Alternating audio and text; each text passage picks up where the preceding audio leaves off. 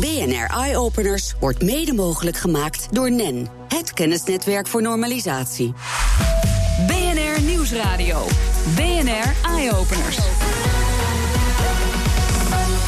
Mark Beekhuis. Een festival is eigenlijk een tijdelijke mini-maatschappij. Net als in het echt heb je te maken met energie, met afval, met eten, bewegen, slapen. En dat is dus de perfecte testomgeving voor prototypes en voor experimentele technieken, zeggen ze bij Innovest. En samen met een aantal creatieve ondernemers proberen ze deze zomer van alles uit op festivals. Anne van Nune, directeur van Innovest, welkom. Ehm, wat, wat spelen jullie precies voor rol? Want jullie maken een soort speeltuin voor ondernemers, hè? Juist, dat klopt. En wat wij doen is uh, eigenlijk de verbinding leggen tussen start-ups, ondernemers, of mensen met een prototype en zo'n festival, wat dan de testomgeving is. En mensen met een prototype, wat zijn dat voor mensen? Nou, dat zijn, dat zijn veel. We werken veel met start-ups, dus startende ondernemers met een, met, een, met een schaalbaar idee. Maar soms zijn het ook studenten die net van de universiteit komen en afstuderen met een heel tof apparaat. Startende uh, ondernemers met een schaalbaar idee klinkt mij als mensen met een app. Ja, dat Is hoeft dat helemaal zo? niet. Nee, nee dat, uh, dat zullen we zien. Het, we hebben allerlei innovaties, van duurzame accu's tot aan sensoren. Maar zeker, we hebben ook apps die we testen. Ja, en, en wat doen, je, doen, jullie dan iets? Of doen die ondernemers iets? Of wat, wat is dan, uh, hoe, hoe, werkt dat? Nou, als het festival eenmaal is, doen wij eigenlijk niks. En zijn de ondernemers druk bezig. Want ja, wij... klooien met hun, uh, hun apps en hun accu's. Precies, precies. En wij faciliteren eigenlijk alleen maar. Ja, want wat zou ze dan. Waarom is zo'n festival zo leuk om te zijn? Behalve natuurlijk dat het exposure is en hele mooie marketing waarschijnlijk. Nou, heel vaak zie je onze innovaties helemaal niet. Want ze gebruiken heel vaak juist de festivalinfrastructuur. Dus die tijdelijke energiegrid dat er ligt, of de riolering die er aangelegd wordt, dat is voor hun echt de speeltuin. Uh, en dus er gebeurt heel veel achter de schermen waarvan de bezoeker dus eigenlijk niks ziet. Dat is fascinerend. Je Zeker. komt op een festivalterrein en daar wordt geëxperimenteerd met jou, bij wijze van spreken zonder dat je door hebt. Want je zegt al iets van, ja, er ligt een tijdelijke grid. En dan denk ik, ja, dat is elektriciteit dat daar ligt. Is dat anders dan anders? Jazeker. Kijk, het is tijdelijk. Dat is het grote voordeel. Want we hebben nu bijvoorbeeld, um, we zijn nu bezig op een van de festivals Noorderzon in Groningen. En daar is dan een ondernemer bezig met uh, modulaire zonnepanelen. Dus hele platte zonnepanelen die je dus steeds groter kan maken. Uh, en dat is pas echt interessant als er een tijdelijk energiegrid is. Want als hij dat hier, waar we in de studio in Amsterdam nu zitten, zou willen inpluggen, dan moet hij heel Amsterdam verbouwen. Maar in Noorderzon. dat is heel onpraktisch, ja. Zeker. Op Noorderzon bouwen we een energievoorziening. Dus dan kan dat gewoon. En dan doe je dit er gewoon bij. Dan doe je het er makkelijk bij. Ja, en dat, die ondernemers kunnen natuurlijk gewoon naar zo'n festival toe. Jij zit ook hier en niet in Groningen op het ogenblik. Dus wat is dan jullie rol daarin nog? Nou, eigenlijk als het eenmaal, eenmaal loopt, als het festival draait, dan is een ondernemer ter plekke hard aan het werk. Metingen aan het doen, feedback daarvoor, aan het vragen. Dan zijn jullie er. Daarvoor zijn wij er. En- Een festival die heeft maar één doel. En dat is dat het festival er staat. Die heeft niet ook als doel dat er um, tien ondernemers hun werk aan het doen zijn. Dus daar, moeten, daar vechten wij eigenlijk voor. Dus wij zitten met de festivals om tafel en uh, kijken samen met een ondernemer wat hij nodig heeft. En helpen hem zo uit te rollen op zo'n festival. Oh, dat klinkt als een hele moeilijk gesprek als je het zo beschrijft. Want je wilt eigenlijk iets waar dat festival, het festival misschien wel leuk vindt, maar soms, niet belangrijk. Ja, klopt. Het is, het, soms is het ook wel moeilijk voor een festival. Dat wij uh, uh, eigenlijk zeggen van ja, je, je, je moet even uh, de riolering zo en zo aanleggen. Net iets anders dan normaal, want dan kan deze ondernemer komen testen. En dat zijn soms best pittige gesprekken. Maar eigenlijk hebben, we, hebben we dit jaar bijna alle cases die wij graag wilden, hebben we een plekje kunnen geven. Ja, want ik kan me zo voorstellen als iemand zegt, nou ik wil graag even een energienetwerk bij je aankomen leggen. Ja. Dat dan uh, zo'n festival zegt, dat vinden we heel leuk met die zonnepanelen... maar wij willen eigenlijk zeker weten dat er stroom is. Ja, precies. Om maar eens wat te noemen. Daarom is er ook bijna altijd wel een backup. Um, het idee van Innovest is dat innovatie kan falen... en dat je daarvan leert en dat je feedback kan krijgen. Uh, dus uh, het is niet wedden op één paard en dat is Innovest. Je ziet best wel vaak dat er ook een, een extra aggregaat naast staat... voor als het misgaat. En komen die ondernemers dan inderdaad vooral om zelf iets te proberen? Of komen ze misschien toch ook gewoon omdat het heel leuk is om op een festival te zijn? Nou, dat laatste mag natuurlijk ook. Um, maar wij als je keihard aan het werk bent, dan kom je daar helemaal niet meer aan toe, toch? dat klopt. Hey, maar wij selecteren van vooraf altijd um, um, uh, wat de waarde van zo'n test voor een ondernemer kan zijn. En als we die niet groot genoeg achten, dan, dan doen we het niet. Ja, en omgekeerd. Want je kan natuurlijk ook denken, ja, wat, wat we. Waarom zou zo'n festival dat willen? Waarom zou zo iemand op een festival dat willen uitproberen? En je hebt al een beetje uitgezegd, dat is de plek waar je kan experimenteren. Ja. Maar is het dan ook niet handig om daar meteen toch marketing van te maken? Ja, maar dan kom je wel met, uh, met verschillende belangen. Want een festival overweegt heel erg van... nou, ik ga dit jaar werken met T-Mobile als sponsor... Uh, maar niet met onderneming X. Nou ja, en als wij daar vervolgens aankomen en zeggen... wij zijn Innofest, wij komen dingen testen... maar we nemen ook uh, 33 logo's mee. Ja, dan... en het logo van een telecom provider die toevallig niet de sponsor van het precies, festival is. Precies. Dus dat moet ook een beetje het onder de ook radar wel. Ja, gebeuren. ja, ja. Dus het is, nou, het, soms, soms zijn we heel zichtbaar en is zo'n test echt met de festivalbezoeker. Maar dan stemmen we altijd even goed af van hoe, in hoeverre zetten we het logo van de ondernemer erbij. En waar verdienen jullie nou eigenlijk je geld mee? Want jullie zitten ertussen. Ja, dat klopt. Uh, op dit moment zijn wij gestart in Noord-Nederland met acht Noord-Nederlandse festivals. En wij krijgen op dit moment ook een stuk subsidie vanuit Noord-Nederland. En daarnaast krijgen we bijdragen van een aantal bedrijven, platformen en kennisinstellingen die met ons mogen werken, om het zo maar te zeggen. Maar dat klinkt heel mooi. Die met ons mogen werken. Die hebben jullie geselecteerd, goed genoeg. en dat Ja. zijn dan de allergrootste bedrijven in het land misschien wel. Nou, de- ze zitten erbij, ze zitten erbij. Oké, een van de projecten waar jullie mee werken heet eh, LoRa Tech. En dat zit er een klein beetje in de naam wat ze doen. Want het bedrijf maakt namelijk gebruik van het LoRa-netwerk. Klopt. En dat gaat dan over energieverbruik verminderen en om logistiek slimmer te regelen. Ino Heideman van LoRa Tech, welkom. Dank je. Ehm, dat LoRa-netwerk, dat is een soort wifi 4G-achtig netwerk, toch? Eh, een beetje, maar niet helemaal. Eh, eigenlijk totaal niet. Oh. Wifi en eh, 4G eh, is meer geschikt voor veel datacommunicatie. waar LoRa juist gaat om kleine berichtjes. Dus berichtjes van sensordata die over lange afstanden, dus dan praat je over kilometers ver, verzonden kan worden tussen een zender en een ontvanger. En een van de mooie kenmerken aan LoRa is dat het heel laag in de frequentie zit. En daardoor heeft eh, LoRa een ontzettend laag stroomverbruik. Waardoor eh, bijvoorbeeld sensoren op eh, twee AA-batterijtjes vijf tot tien jaar mee kunnen gaan. En daarmee heel geschikt voor sensornetwerken. Ja, precies. Maar zo'n festivalterrein, dat is een paar honderd meter. Dus met, nou, je misschien met wifi net niet. Maar is, is dat, wat is de logische combinatie tussen zo'n LoRa-netwerk en een festivalterrein? Eh, nou, een festivalterrein is eh, een heel mooi voorafgebakend gebied. Eh, een paar festivals zitten op een eiland in Noord-Nederland, zoals op Vlieland. Vlieland is een heel mooi afgebakend gebied van een aantal kilometer. En nou ja, wifi inderdaad ga je niet halen. En 4G is daar gewoon best wel duur als je elke keer een sensor, een berichtje van een sensor wilt doorsturen. Eh, en bij LoRa, eh, omdat je in eigen beheer een netwerk op mag zetten, eh, zit je niet aan abonnementskosten verbonden.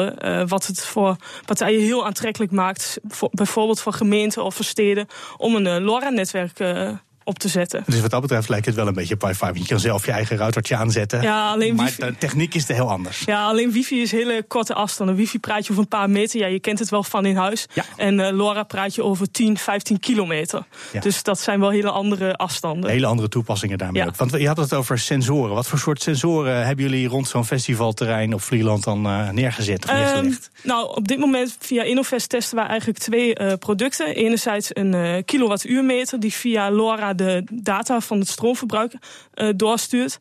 En het andere wat wij op dit moment testen is een eh, GPS-sensor die locatiegegevens en bewegingsgegevens eh, ook doorstuurt via dat LoRa-netwerk. en, van, en van wie hou je dan in de gaten waar ze zijn of hoeveel stroom ze gebruiken? Bijvoorbeeld bij de kilowattuurmeters zitten die meters die zitten in de stroomkasten ge- al voor geïnstalleerd. Wij koppelen dan daar onze nodes aan en vervolgens sturen we het stroomverbruik per cateraar in dit geval door naar een dashboard waarbij we precies kunnen zien hoeveel stroom iedere cateraar heeft gebruikt. Oh, vinden ze dat fijn dat jullie dat zo gespecificeerd kunnen geven? Want dat zal vast ook voor hun rekening uitmaken daarna. Ja, en dat is juist positief. Eh, want cateraars, eh, op dit moment is het heel moeilijk om het stroomverbruik van cateraars te meten. En eh, daarom betalen zij nu een vast tarief voor hun standplaats en hun elektra. Maar op het moment dat wij daadwerkelijk hun stroomverbruik kunnen gaan meten, kunnen we ook afrekening per kilowattuur gaan doen. En dat kan cateraars weer stimuleren om duurzaam te zijn. Ja. Zijn er dan ook die nu al voor het eerst zonnepanelen op het dak van hun caravan eh, schroeven? Eh, nou, we zitten nu nog in een testfase. En eh, volgende week op Into the Great Wide Open gaan we daadwerkelijk met een aantal nodes kijken of we dat echt kunnen realiseren. En dan hopen we wel dat we dat effect volgend jaar weten te bewerkstelligen. Want het doel is eigenlijk dus duurzamer of minder energieverbruik. Ja, van de kilowattuurmeters wel, ja. Klopt. En dat andere, dat was met, uh, wat zei je, de GPS. Ja, dus dat gaat klopt. over plaatsbepaling van mensen of Eh, auto's. of nou ja, eigenlijk kun je het zo gek niet bedenken. Ehm, wat we op Into the Great Wide Open doen, is het eh, tracken en tracen van materieel. En daarmee kan het, even, of het festival bijvoorbeeld hun materieel veel efficiënter inzitten. Want je weet veel beter waar een busje of een mani toe of een ladder, noem het maar op. Je kunt het zo gek niet bedenken is. Eh, maar als we praten over alle dagelijkse toepassingen, kun je bijvoorbeeld denken aan antidiefstal toepassingen. Eh, hier in Amsterdam, waar is mijn fiets? Waar is mijn auto? Eh, noem het maar op. Er zijn legio eh, toepassingen die je daarmee eh, kunt bedienen. Ja, jij bent in gedachten al allemaal business Ja. cases bij elk van die zinnen hoor ik zie het je zeggen. ja. Ja, z- eh, Ja. zeg Anne. Eh, wat ik heel leuk vind, is dat zij eigenlijk meteen een probleem van een festival oplossen. Terwijl als ze bij ons binnenkomen, kijken we altijd eerst naar de ondernemer. Van wat wil jij nou? Jij wil na de zomer de markt op met je product. Wat wil jij testen? En bij Loratec is het heel mooi gebleken dat we en een meerwaarde kunnen hebben voor Loratec. Want die kan al zijn tests doen. GPS, de, de kilowattuurmeters testen. Maar ook dat meteen koppelen aan een doel van een festival. Namelijk min- minder energieverbruik. Dus Oh, maar dat is jullie doel. En dat wisten zij van tevoren misschien of niet. Wisten jullie dat? Nee, wij hebben gewoon heel slim gekeken van wat, wat is de vraag van Into the Great Wide Open. En als Loratec dan toch komt testen, kunnen we dat dan niet heel slim doen, zodat we een probleem oplossen. Oké, dankjewel. Inu Heideman van Loratec. Of waar je nog iets toevoegen, hoorde ik bijna. Mm, Nee, dank je. Nee, oké, dankjewel voor je Dankjewel. komst. We gaan namelijk zo meteen verder. Zometeen gaan we het hebben over een hele doeltreffende composteermachine. En ook nog een beschermende grasmat die dan uit zichzelf weer verdwijnt. BNR Nieuwsradio. BNR Eye Openers. Festivals, ja, eh, daar gaan we rustig mee verder. Die vinden vaak plaats in parken en in natuurgebieden. Maar na een paar dagen hossen en springen, ja, dan heb je van die mooie grasmat in het begin alleen nog maar een soort hopeloze modderpoel over. En Menno Connor, manager aan de Hans Hogeschool Groningen, die ontwikkelde een hennepmat die tijdens festivals de ondergrond moet beschermen en dan na afloop ook vanzelf weer oplost. Onze eigen Jigo Krant bekeek een proefopstelling op de elfdaagse Noorderzon Festival in Groningen. Hier liggen dus eh, de matten. Het zijn er twee. Aan de rechterkant kun je zien, eh, die is wat minder belopen. En links, daar is voor intensief gebruik. Dan zie je ook iedereen heen lopen naar de bar. Dit is alles. Het festival is trouwens nog niet begonnen. Vandaar de stilte, Ja. de serene stilte van dit stadspark in Groningen. Ik zie hier een matje liggen. Nou, het is twee keer zo groot als het matje voor mijn deur thuis. Dit is alles. Dit is alles inderdaad. Maar het is ook de eerste onderzoek van eh, hoe werkt het prototype. Dus, en eh, we hebben te maken met regelgeving. Dus eh, we mochten ook niet veel groter gaan dan dit. We zijn nu ongeveer halverwege het festival. Zullen we even kijken eronder, hoe het Ja. eruit ziet? Je ziet hier nog, hier zit wel gras. En hier zit onder zie je dus een laag van bas. En daaronder zit gewoon nog gras. Kijk, zie je? Ja, het blijft natuurlijk wel zo dat het plat getrapt wordt. Ja, dat, dat, dat blijft zo inderdaad. Maar het blijft wel door de mat beter beschermd. We hebben het eerder ook getest op Welcome to the Village festival in Leeuwarden. En toen we de, uiteindelijk onder de mat kregen, zagen we dus dat de helft gewoon nog steeds groen was en gewoon daarna weer doorgroeit. En dan is de bedoeling dat deze mat vanzelf weer oplost. Ja, na vijf, zes weken is alles weg. Maar dat betekent dat de Groningers nog wekenlang met die mat zitten. Ja, maar anders had je helemaal geen gras gehad. En nu heb je nog een uh, halffabrikaat, laten we het zo stellen. Nu klinkt dat oplossen van die matten natuurlijk heel milieuvriendelijk. Het composteert gewoon. Ja. Alleen, je kan ook zeggen, ja, je kan ze maar één keer gebruiken. Dat is helemaal niet duurzaam. Het is veel duurzamer om hem 10, 20 keer te gebruiken. Ja, duurzamer in de vorm van dat je niet hergebruikt, klopt wel. Maar het voordeel hieraan is gewoon dat de bodem erna verrijkt wordt. Dat is het duurzame aspect eraan. En je hebt geen kosten van het opruimen. Je hoeft daar niks meer aan te doen. Het is eigenlijk een soort matje van kunstmest. Zo zou je het kunnen zien, inderdaad. Hij is vastgemaakt met eh, ja, haringen, zoals je die kent van de tent. Lost die ook op? Deze haringen niet, maar we zijn bezig met het ontwikkelen van een uh, haring die wel oplost. Ook van hennep, die we door middel van spuitgieten gaan maken. En die lost ook op na vijf, zes weken, is het idee. Deze matjes zijn nauwelijks groter dan wat er uh, bij mij thuis voor de deur ligt. Maar straks is de bedoeling dat hele festivalterreinen hiermee bedekt worden. Laten we het Museumplein in Amsterdam nemen. Wordt vaak gebruikt voor festivals. En na één of twee dagen is dat gras helemaal kapot. Maar dan hebben we het wel over, nou, zo'n acht hectare. Wat moet dat kosten? Nou, de mat die uh, kost om te maken ongeveer anderhalve euro per vierkante meter. Dus dit komt dan uh, neer op een eurotje of drie. Ja. Maar snel uitgerekend komt dat bij het Museumplein dan op 120.000 euro. Ja, wie wil dat nou betalen? Ja, dat is nog. Uh, dat is, dat we, ja, daar moet je naar kijken of dat het waard is. Alleen de vraag is ook of je een heel grasveld ermee moet gaan bedekken. Je kunt ook zeggen van de intensieve plekken waar mensen veel lopen, die plekken ga je die, die, die matten neerleggen. En op die manier blijft dat gedeelte beter beschermd. Dus, en het is natuurlijk inzaaien, kost natuurlijk ook wat. Dus als je het gaat uitrekenen tegen elkaar, misschien zit er ergens een break-even point. Je kunt zeggen, nou daar gaan we dan de matten voor inzetten. Menno Connor zei dat, manager aan de Hans Hogeschool Groningen en het Noorderzon Festival in Groningen. En trouwens ook nog die twee hennepmatjes zijn er nog tot en met komend weekend. Als ze niet uit elkaar gevallen zijn voor die tijd. In de studio nog Anna van Nuenen, directeur van InnoFest. En aan de telefoon nu ook Mariska Kleinsma van Eco Creation. Want we pakken er nog eens even een mooi uh, project van bij. Uh, het project dus dat uh, ja, door InnoFest dan weer aan zo'n festival gekoppeld wordt. Um, namelijk een composteermachine en die is in die zin bijzonder dat hij echt razendsnel van organisch afval compost maakt. Binnen een uur of 24, toch, Mariska Kleinsma? Dat klopt helemaal. Dat, is, dat lijkt mij snel. Is dat voor het maken van compost ook echt snel? Dat is, dat zeker snel. We, we, kennen waarschijnlijk allemaal eh, de composthoop. Uh, die er heel lang over doet uh, om de compost daadwerkelijk te composteren. En deze machine, deze composteermachine, kan daadwerkelijk binnen 24 uur dus 85% reductie van al het organische afval zeg maar realiseren. En zet de overige 15% direct om in bruikbare compost. Dus dan heb je ook niet zoveel te slepen met al dat spul, wat anders afval was. precies, precies. Dus het is een, op, op een heleboel fronten een eh, hele een mooie, uh, duurzame oplossing die ook daadwerkelijk bespaart. En wat kan er allemaal in die machine? Al het organisch afval, wat we zeg maar uh, zelf in de GFT-bak zouden zetten, dus zeg maar de groene kliko's. maar dus ook vlees- en visafvallen en klein groen afval. Ehm, maar we zijn ook alweer een stap verder. We zijn zelfs nu zover dat ook uh, bioafbreekbare compost, of zeg maar disposables kunnen omzetten tot compost. Dus Disposable, dat is het plastic wat afbreekbaar moet zijn. Ja, dus denk, ja precies, het zijn eh, plastic, maar denk daarin aan ook de veelgebruikte koffiebekers of uh, snackplateautjes zoals we die noemen, die kunnen dus ook in deze machine omgezet worden tot compost. En wat gebeurt er aan de binnenkant? Want het is net echt een, machine, het is een, een, stalen apparaat, heb ik gezien op jullie website. Groot vierkant ding. Wat gebeurt er aan de binnenkant? Ja, er zit een, het is eigenlijk een combinatie van een, een unieke bacteriecultuur met het verwarmen van de afvalmassa.